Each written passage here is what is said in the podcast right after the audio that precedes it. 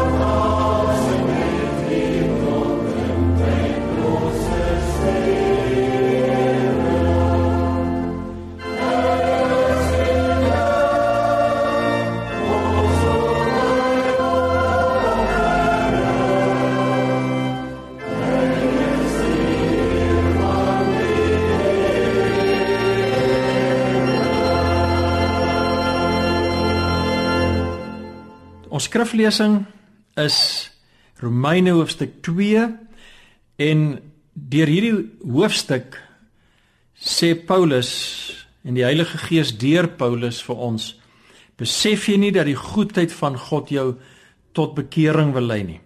So ons gaan saam lees uit Romeine hoofstuk 2, 'n baie ernstige maar ook 'n baie kosbare woord. Kom ons bid net saam voordat ons lees.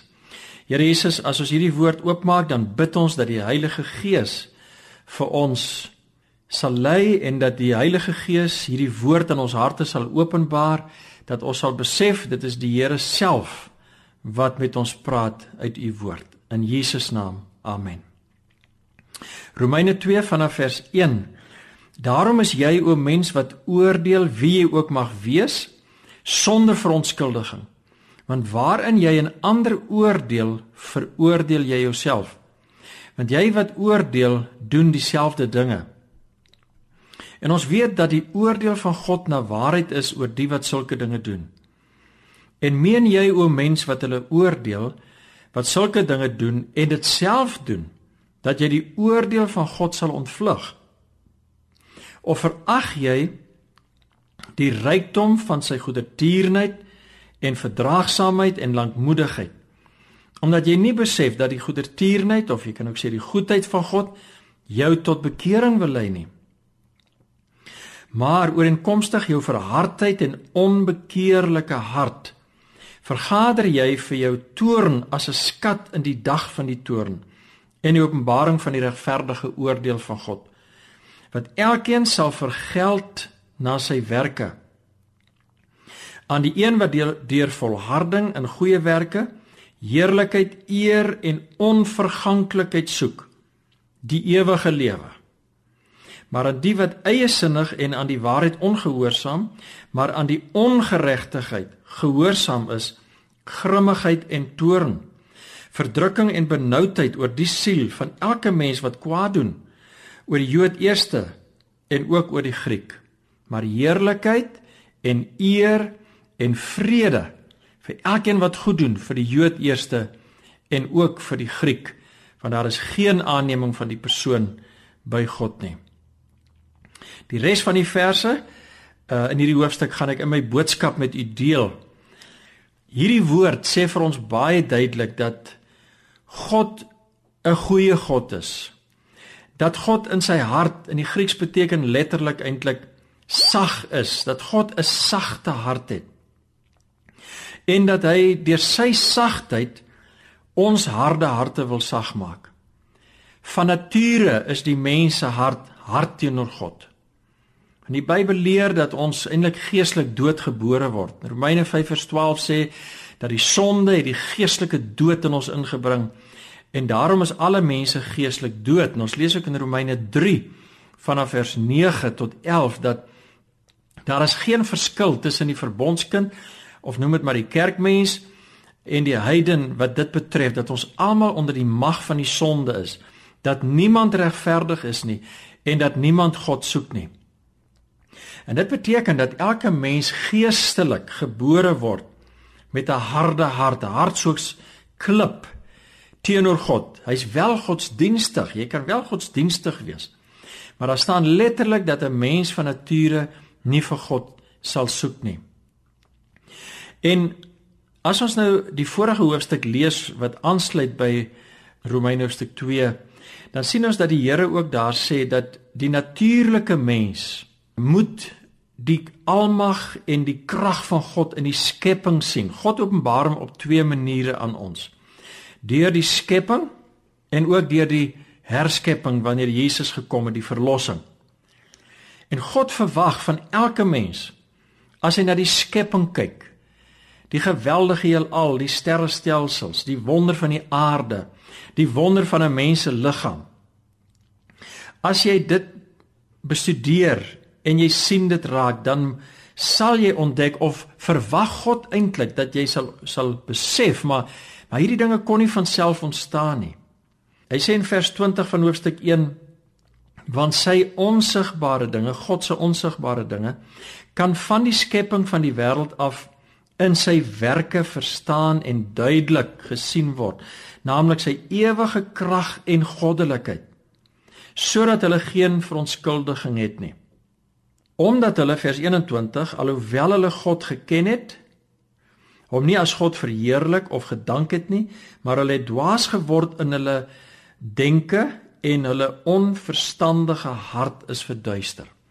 Dis die toestand van die natuurlike mens en die Here verwag dat ons alreeds in sy skepping sal sien dat daar 'n ontwerper moes gewees het iemand wat hierdie ingewikkelde skepping met al sy wetmatighede moes skep.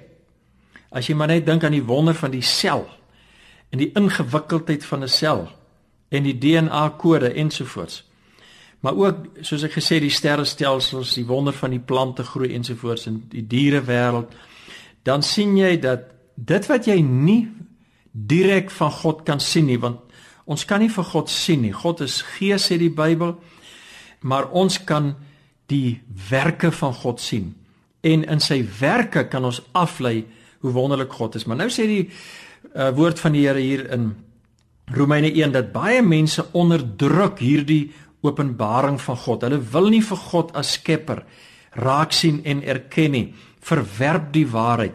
Juist dat hulle kan aangaan met hierdie ou sondige natuur van hulle om voort te gaan in die sonde en dan gebeur daar 'n gevaarlike ding.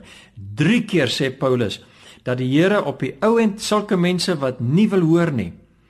Hulle oorgee aan die verharding van hulle hart en aan hulle sonde. Letterlik beteken dit dat so iemand se remme word losgemaak. Hy kan nie meer eintlik ophou met sondig nie. Hy word 'n slaaf van die sonde. En soos iemand ook oor hierdie gedeelte skryf, hy kan ook later nie meer die onderskeid hê tussen wat sonde is en wat nie sonde is nie. Tussen reg en verkeerd nie. Alles is vir hom relatief. En uh sonde is nie meer vir hom sonde nie. Dit is die toestand van 'n mens wat baie ver van God af weggedwaal het. Maar dan praat Paulus verder in Romeine 2 met die kerkmens, met die godsdienstige mense en dan sê hy vir hom: "Maar jy wat so iemand nou veroordeel ook en jy doen eintlik maar dieselfde dinge. Miskien net skelm, miskien net daar waar ander nie sien nie. Dat jy ons sal geoordeel word volgens hoe ons ander mense oordeel. In hierdie gedeelte kry ons verskillende beginsels waarop God die mens gaan oordeel in die oordeelsdag. En die eerste daarvan is en dit het ek reeds na verwys, die openbaring van God in die skepping. Of jy God erken het as die skepper of hom verwerp het. Die tweede ding is hoe jy ander mense oordeel. Want God gaan dit in die oordeelsdag so ag dat as jy genoeg insig gehad het om 'n ander persoon te te veroordeel met met meewaardigheid, nie te beoordeel nie, maar veroordeel oor sonde wat hy doen of ehm um, kon sê jy weet dat jy eintlik hom veroordeel oor die feit dat hy in sonde lewe in plaas van dat jy liewer verlang dat hy gered moet word en jammer vir hom is en die evangelie vir hom wil bring, maar jy veroordeel hom. Moet oppas dat met daai selfde insig waarmee jy hom oordeel, sal God jou eendag oordeel. Dan as ons nou verder lees, dan sien ons vanaf vers 3 tot uh vers 9 dat die ander beginsel waarop God mense in die oordeelsdag gaan oordeel is die geleenthede wat hulle gehad het om tot bekering te kom. Die geleenthede waar God sy goedheid aan hulle geopenbaar het. En wat hulle nie aanvaar het nie. En dan gaan ons ook nog geoordeel word volgens die wet as ons die wet van die Here geken het vers 12 want almal wat sonder wet gesondig het sal sonder wet verlore gaan. En almal wat onder die wet gesondig het sal deur die wet geoordeel word. Omdat nie die hoorders van die wet by God geregverdig is nie maar die daders van die wet geregverdig sal word. So as u die 10 gebooie ken dan weet u wat die Bybel sê wat 'n sonde. Want sonde is oortreding van die wet van die Here En as ons dus die wet van die Here oortree, dan sal ons geoordeel word volgens die wet van die Here. Dan lees ons nog 'n baie belangrike wyse waarop ons geoordeel sal word. Ons maar ook vir al die heidene wat nog nooit van Jesus gehoor het nie. Ons lees dit in vers 14 tot 16. Want wanneer die heidene wat geen wet het nie van nature die dinge van die wet doen, is hulle vir hulle self 'n wet al het hulle geen wet nie omdat hulle toon dat die werk van die wet in hulle harte geskrywe staan terwyl hulle gewete saam getuienis gee en die gedagtes mekaar onderling beskuldig of ook veronskuldig in die dag wanneer God die verborgde dinge van die mense deur Jesus Christus sal oordeel volgens my evangelie. Paulus sê dat in die oordeelsdag sal God ook hulle wat nooit die evangelie gehoor het nie nie die wet van God gehad het nie volgens hulle gewete geoordeel word. Die gedagtes wat onderling vir hulle beskuldig het en veronskuldig het, God het in elke mens 'n gewete geplaas. So ons sal ook geoordeel word volgens ons gewete. En Paulus sê dat deel van die evangelie, van die goeie nuus dat God ons wil red, is dat God ook mense sal oordeel.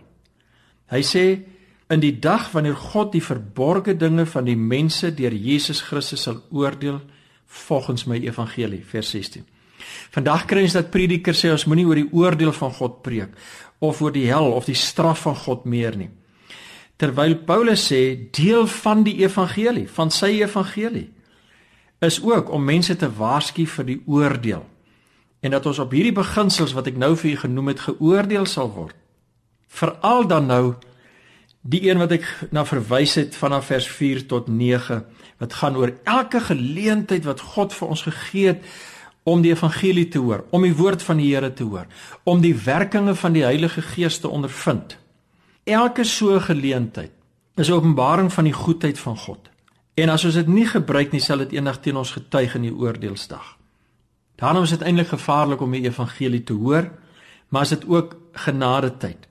Ons lees dan in vers 4: "Of verag jy die rykdom van sy goedheid en verdraagsaamheid en lankmoedigheid? God is goed. Hy het goedheid teenoor ons, 'n gesindheid van goedheid, verdraagsaamheid en lankmoedigheid of geduld." Hierdie 3 dinge is 'n openbaring van die karaktertrekke van God. God openbaar homself. En hoe doen hy dit nou prakties? Soos ek reeds uh, vinnig gesê het, die goedheid van God wys op in die Grieks op uh, die sagtheid van God. Hy wil nie hê mense moet verlore gaan nie. Hy wil eintlik nie mense straf nie. Maar hy is 'n God van geregtigheid en as ons die genade van die Here Jesus verwerp en soos hy hier dit sê met 'n onbekeerlike hart voortgaan, dan versamel ons vir ons toorn as 'n skat in die dag van die toorn en die openbaring van die regverdige oordeel van God. U moet dit weet. Vers 5 sê God is goed, maar as ek sy goedheid verwerp, God gee genade, Christus gee genade. Maar as ek sy genade verwerp, dan elke dag, elke dag is ek besig om vir my 'n groter hoeveelheid van God se toorn en straf bymekaar te maak vir die oordeelsdag. Dit is 'n verskriklike ernstige woord. Dis 'n duidelike woord. Dis 'n helder woord. En as jy nie van hierdie woord hou nie, kan jy dit my die Bybel uitskeer, maar die feit is net dit is wat God sê maar ooreenkomstig jou verhardheid en onbekeerlike hart. Vergader jy vir jou toorn as 'n skat in die dag van die toorn en die openbaring van die regverdige oordeel van God. Ons moet nie God se goedheid verag nie. Hierdie goedheid waarmee hy jou kom met die evangelie om jou hart sag te maak. In Jesegiel 36 vers 26 tot 27 lees ons dat in die nuwe bedeling met die Nuwe Testament wil God vir ons 'n nuwe hart gee. Hy wil die harde hart van klip uithaal en vir ons 'n sagte hart gee. En hy verduidelik dan daarin sê dat hy wil ons reinig van ons sondes en van die afgode in ons lewe. Hy wil sy gees in ons binneste gee en hy wil vir ons 'n nuwe gees gee. Hy maak ons gees wat dood was lewendig. Jy kan eintlik sê hy gee vir ons 'n nuwe hart. 'n Hart wat ook sag is. En dit is wat bekering beteken. Hy sê besef jy nie dat die rykdom van sy goedheid jou tot bekering wil lei nie. Bekering metanoia beteken 'n gesindheidsverandering, 'n hartsverandering, 'n harde hart wat sag word, jou denke wat verander. Jou geestelike oë gaan oop, jou insig wat jy nou kry van uit die evangelie en die verkondiging van die woord van die Here maak dat jy besef daar kom 'n oordeelsdag. Maak dat jy besef dat God se goedheid is aan jou geopenbaar op die kruis van Golgotha toe hy sy eie seun daar laat sterf het om ten volle vir al jou sondes te betaal. Ons lees so mooi daar in Kolossense 1 vers 13 en 14 twee woorde wat vertaal word met die woord verlossing. En dit is dat die Here het ons verlos uit gevaar. Uit watse gevaar? Daai Griekse woord beteken letterlik om te red uit gevaar. Die eerste woord wat met verlossing vertaal word daar in uh, Kolossense 1:13. En dit beteken dat God ons gered het uit die straf, die oordeel van die wet van die ewige verlorenheid. Maar dan gebruik hy in vers 14 'n ander woord van verlossing en dit beteken die woord betaling om jou vry te koop. So die Here Jesus het aan die kruis die straf van die wet, die oordeel van God wat hy oor ons gaan oordeel omdat ons hom nie as skepper aanvaar nie. As ons ander veroordeel. As ons sy kanse tot bekering nie neem nie en ons harte word al harder. As ons nie volgens die wet van die Here lewe, volgens die wil van God. As ons nie na ons gewetens luister nie. Al daardie dinge maak ons skuldig voor God sodat hy later ook sê dat elke mond sal gestop word, niemand sal verontskuldiging hê nie. Sê dit baie duidelik. Daar sal geen verontskuldiging wees. Jy sal nie verskonings hê nie. Jy sal verlore gaan. Kom die Here en sê maar deur sy goedheid wil hy ons daarvan red. Hy red ons van die toorn. Hy red ons verlos ons deurdat hy ons losgekoop het. En hy kom met die evangelie Christus kom met die woord van die Here. Die evangelie word verkondig oor die hele wêreld, ook nou deur my oor die radio. En die Here sê bekeer jou. Verander jou hart, verander jou denke, verander jou gesindheid. Ons lees byvoorbeeld daar ook dat Petrus op Pinksterdag gepreek het in Handelinge 3 vers 19 waar hy twee woorde vir bekering gebruik. Hy sê kom dan tot inkeer en bekeer julle. Gebruik hy ook daardie woord metanoia. Maar ook 'n ander woord epistrefo wat beteken jy moet omdraai op hierdie pad van verlorenheid, van verharding van hart om God teë te staan, om soos hoofstuk 1 sê die waarheid te onderdruk en laat jou sonde al meer oorneem en oorneem en die gevaar nader kom dat jy oorgegee word aan jou sonde. Moet jy liewer omdraai, betyds omdraai. Nou word 'n tweede woord gebruik saam met die goedheid van God, ook die verdraagsaamheid van God. Die verdraagsaamheid van God wil jou tot bekering lei. En weet jy wat beteken hierdie woord in die Grieks? Dit beteken dat God sy straf terughou tydelik God moet straf want God is 'n regter en hy's regverdig en hy's heilig. Hy moet ons wanneer ons een sonde doen, moet hy ons eintlik al straf. Maar hy hou dit terug sodat ons geleentheid kan kry om tot bekering te kom. In Romeine 3 vanaf vers 24 tot 25 en 26 selfs ook sê hy dat God het Jesus voorgestel in sy bloed, dit is sy kruisdood as 'n verzoening deur die geloof om sy geregtigheid te bewys deurdat hy die sondes ongestraf laat bly het wat tevore gedoen is onder die verdraagsaamheid van God. Hier gebruik hy dieselfde Griekse woord en dit beteken dat die Here die Ou Testamentiese gelowiges eintlik moes straf omdat Jesus nog nie vir hulle gesterf het nie, maar dat hy daardie straf ook teruggehou het totdat Jesus vir hulle sou sterf. Maar vers 26 sê dat God sy geregtigheid openbaar in die Nuwe Testament deurdat wanneer iemand in geloof die kruisdood van Jesus aanneem as dat Jesus dit ook vir hom betaal en hy glo dit en hy neem dit en hy bekeer hom tot die Here en hy leef in geloof vanuit die afgehandelde werk van Jesus aan die kruis dan tree God regverdig op om so iemand regverdig te maak. Hier staan regverdig te maak wie uit die geloof in Jesus Christus is. En so word ons deur die geloof kry ons uh, word ons vrygespreek van ons sondes. Om God gee dus nou vir elke onbekeerde persoon in hierdie wêreld nog 'n geleentheid om tot bekering te kom. Hy hou die straf terug. Ons lees dit ook in ehm um, Johannes hoofstuk 3 vers 18 en 36 dat iemand wat buite Christus leef, iemand wat nog nie Christus aangeneem het nie, eintlik klaar veroordeel is en dat die toorn van God reeds op hom rus. Maar God is verdraagsaam, hy's geduldig en hy hou daai toorn terug. Hy hou daai straf op die sonde terug omdat God ook goed is. Omdat God ook lief is vir ons. Die woord sê ons daar bekende Johannes 3 vers 16 want so lief het God die wêreld gehad dat hy sy enige gebore seun gegee het sodat elkeen wat in hom glo nie verlore mag gaan nie maar die ewige lewe kan hê. Maar ons moet onthou dat as ons hierdie liefde van God verwerp hierdie geduld, hierdie uitstel van die straf, dan kom daar 'n tyd wat God wel sal optree. Daar kom 'n oordeelsdag. Daarom sê Hebreërs 9 vers 27, dit is die mens bestem om eenmaal te sterwe en daarna die oordeel.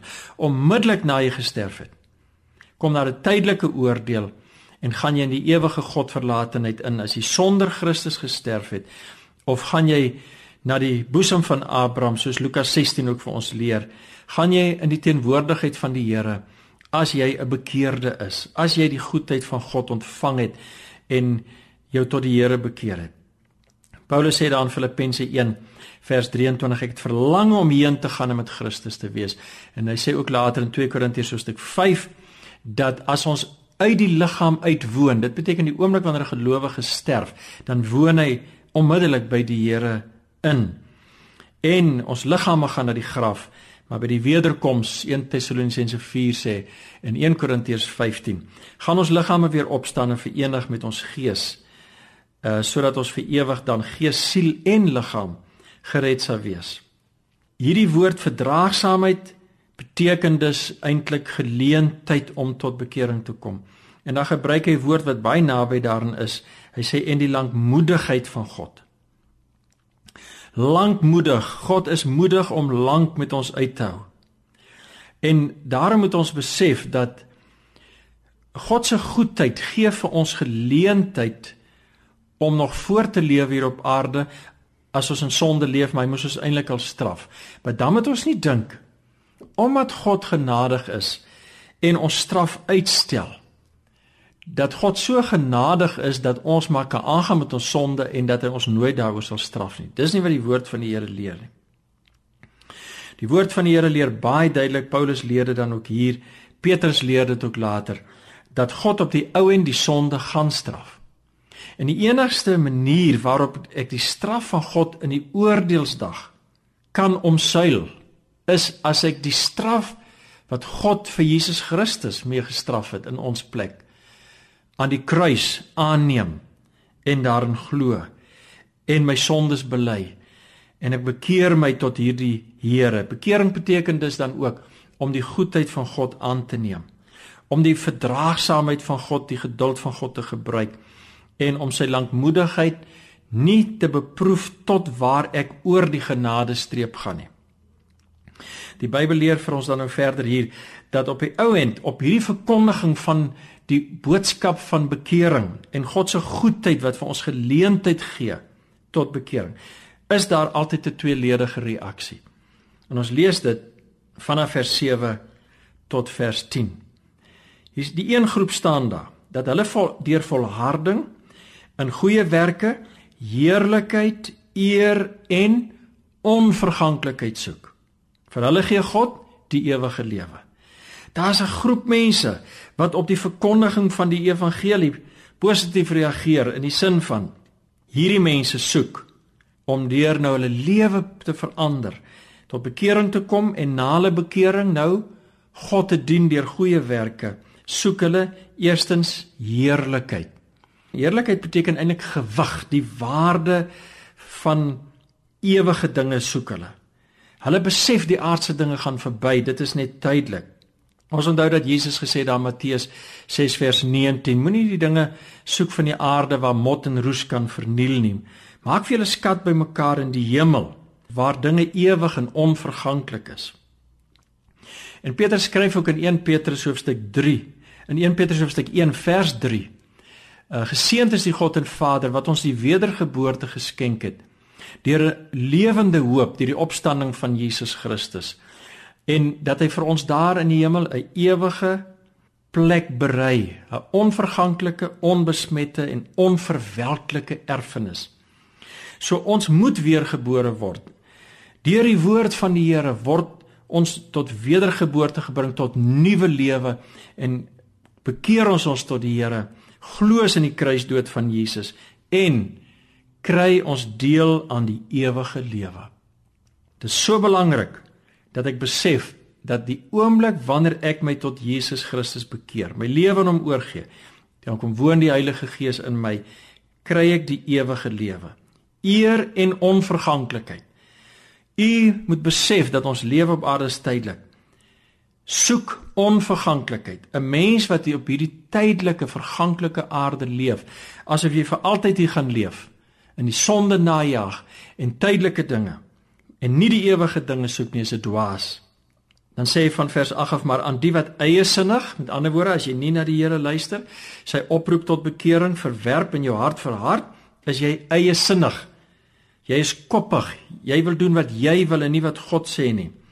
En aan die waarheid ongehoorsaam is, teken dat jy dus die waarheid verwerp en jy's doelbewus ongehoorsaam aan die waarheid oor die ewige dinge. Vir hulle gee God en vir hulle wag daar grimmigheid en toorn. Dis letterlik die woede van God wat sal uitgestort word as jy gesterf het of by die wederkoms sonder Christus. Verdrukking en benoudheid vers 9 oor die siel van elke mens wat aanhoudend bly kwaad doen en voortgaan in sy sonde. En dit geld sê verder vir Jood en die Griek wat beteken vir die kerkmens en vir die heiden daar buite. En dan herhaal hy eintlik vir die wat hulle bekeer weer die woorde, maar hy maak 'n klein verskilletjie in vers 10 as hy sê hulle soek heerlikheid en eer en dan sê hy ook in plaas van onverganklikheid in vers 7 sê vrede.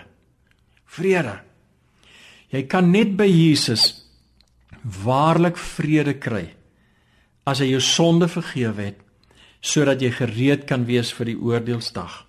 Sodat jy daardie dag kan voor voor God kan gaan staan en ehm um, al gaan hy jou oordeel op uh al hierdie beginsels wat ons oor gepraat het, kom jy eintlik nie meer in die oordeel nie soos Romeine 8 vers 1 sê. Daar is nou geen veroordeling vir die wat in Christus Jesus is nie. Waarom? Want jy het geglo in die kruisdood van Jesus. Jy het die offer van Jesus aangeneem. Jy's gewas in sy bloed. Geen sonde is te groot om weggewas te word vir hom wat vertrou op die kruisdood van Jesus alleen nie. Want 1 Johannes 1 vers 7 sê, die bloed van Jesus reinig van alle sondes. Ek sluit af met 'n voorbeeld. Daar was 'n klein dogtertjie wat eendag in 'n diens gesit het en die prediker het die evangelie verkondig uit 1 Johannes 1 vers 7, maar die bloed van Jesus reinig van alle sondes. Sy het daardie aand haar hart vir die Here gegee, haar sondes bely en Jesus in haar hart ingenooi, soos Openbaring 3 vers 20 sê: "Kyk, ek staan by die deur en ek klop. As iemand my stem hoor en die deur oopmaak, sal ek ingaan." So hy het Jesus in haar hart ingenooi, sy het haar sondes bely, sy het vrede gekry. En aan die einde van die diens sê die prediker, as jy hierdie teks ken en jy gaan huis toe, kan jy iemand na die Here lei met hierdie teks. En sy het op 'n trein gesit op pad terug huis toe en voor haar het 'n man kom sit en sy het gedink dis haar kans. En sy sê oom, het oom al die Here Jesus aangeneem? Want die bloed van Jesus reinig van alle sondes. En die die man sê vir haar, dogtertjie, ek is 'n teoloog. Sy sê ja oom, maar die bloed van Jesus reinig van alle sondes. En weer sê hy vir haar en sy vra het hom al die Here aangeneem. Sê ek sê dan vir jou ek is 'n teoloog. Ja, maar die bloed van Jesus oom reinig van alle sondes. Sy vra weer vir hom die derde keer. Het jy al u lewe aan Jesus Christus oorgegee en die sondes bely? Is jy 'n kind van die Here? En hy word kwaad en sê: "Dogtertjie, ek is 'n teoloog. Ek lei ander predikante op. Ek sê mos vir jou ek is 'n teoloog. Ja oom, maar ek is seker die bloed van Jesus kan om daarvan ook reinig. En ehm um, hierdie teoloog het dus nodig gehad om ook van sy godsdienstigheid gereinig te word en nie meer op sy godsdienste vertrou nie, maar op Jesus Christus en sy kruisdood. Mag die Here gee dat u daar voor die radio uh die woord van die Here sal hoor wat vandag vir jou sê, moenie die goedheid van God verwerp nie. Kom tot bekering. Amen. Kom ons bid saam. Here Jesus, ons bid dat die Heilige Gees nou elke luisteraar met wie u gepraat het sal bring tot wat nog nie tot bekering gekom het nie, sal bring tot 'n ware bekering tot die lewende God. En 'n oorgawe aan Jesus Christus en 'n vertroue op die kruisdood van Jesus alleen vir redding. Ons bid dit in Jesus se naam. Amen. Kom ons sing nou saam uit Lied 219 dit gaan oor Jesus wat ons verlosser is wat gesterf het vir ons sondes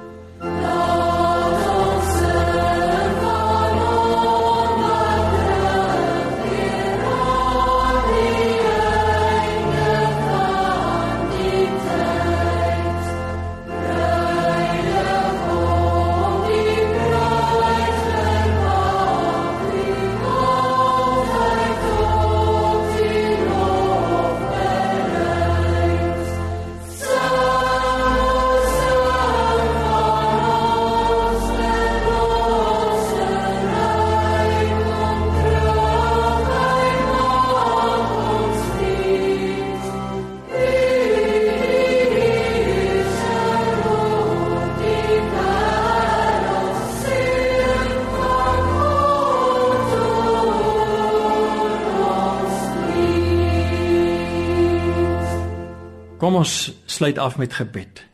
Here Jesus, ons aanbid U en loof en prys U vir die heerlike evangelie wat ons voor die oordeelsdag al wil red van die oordeel. En gee dat ons hierdie genade nie sal verwerp nie, maar sal aanneem. En daarom bid ons dat die genade van ons Here Jesus Christus met u elkeen sal bly. Amen.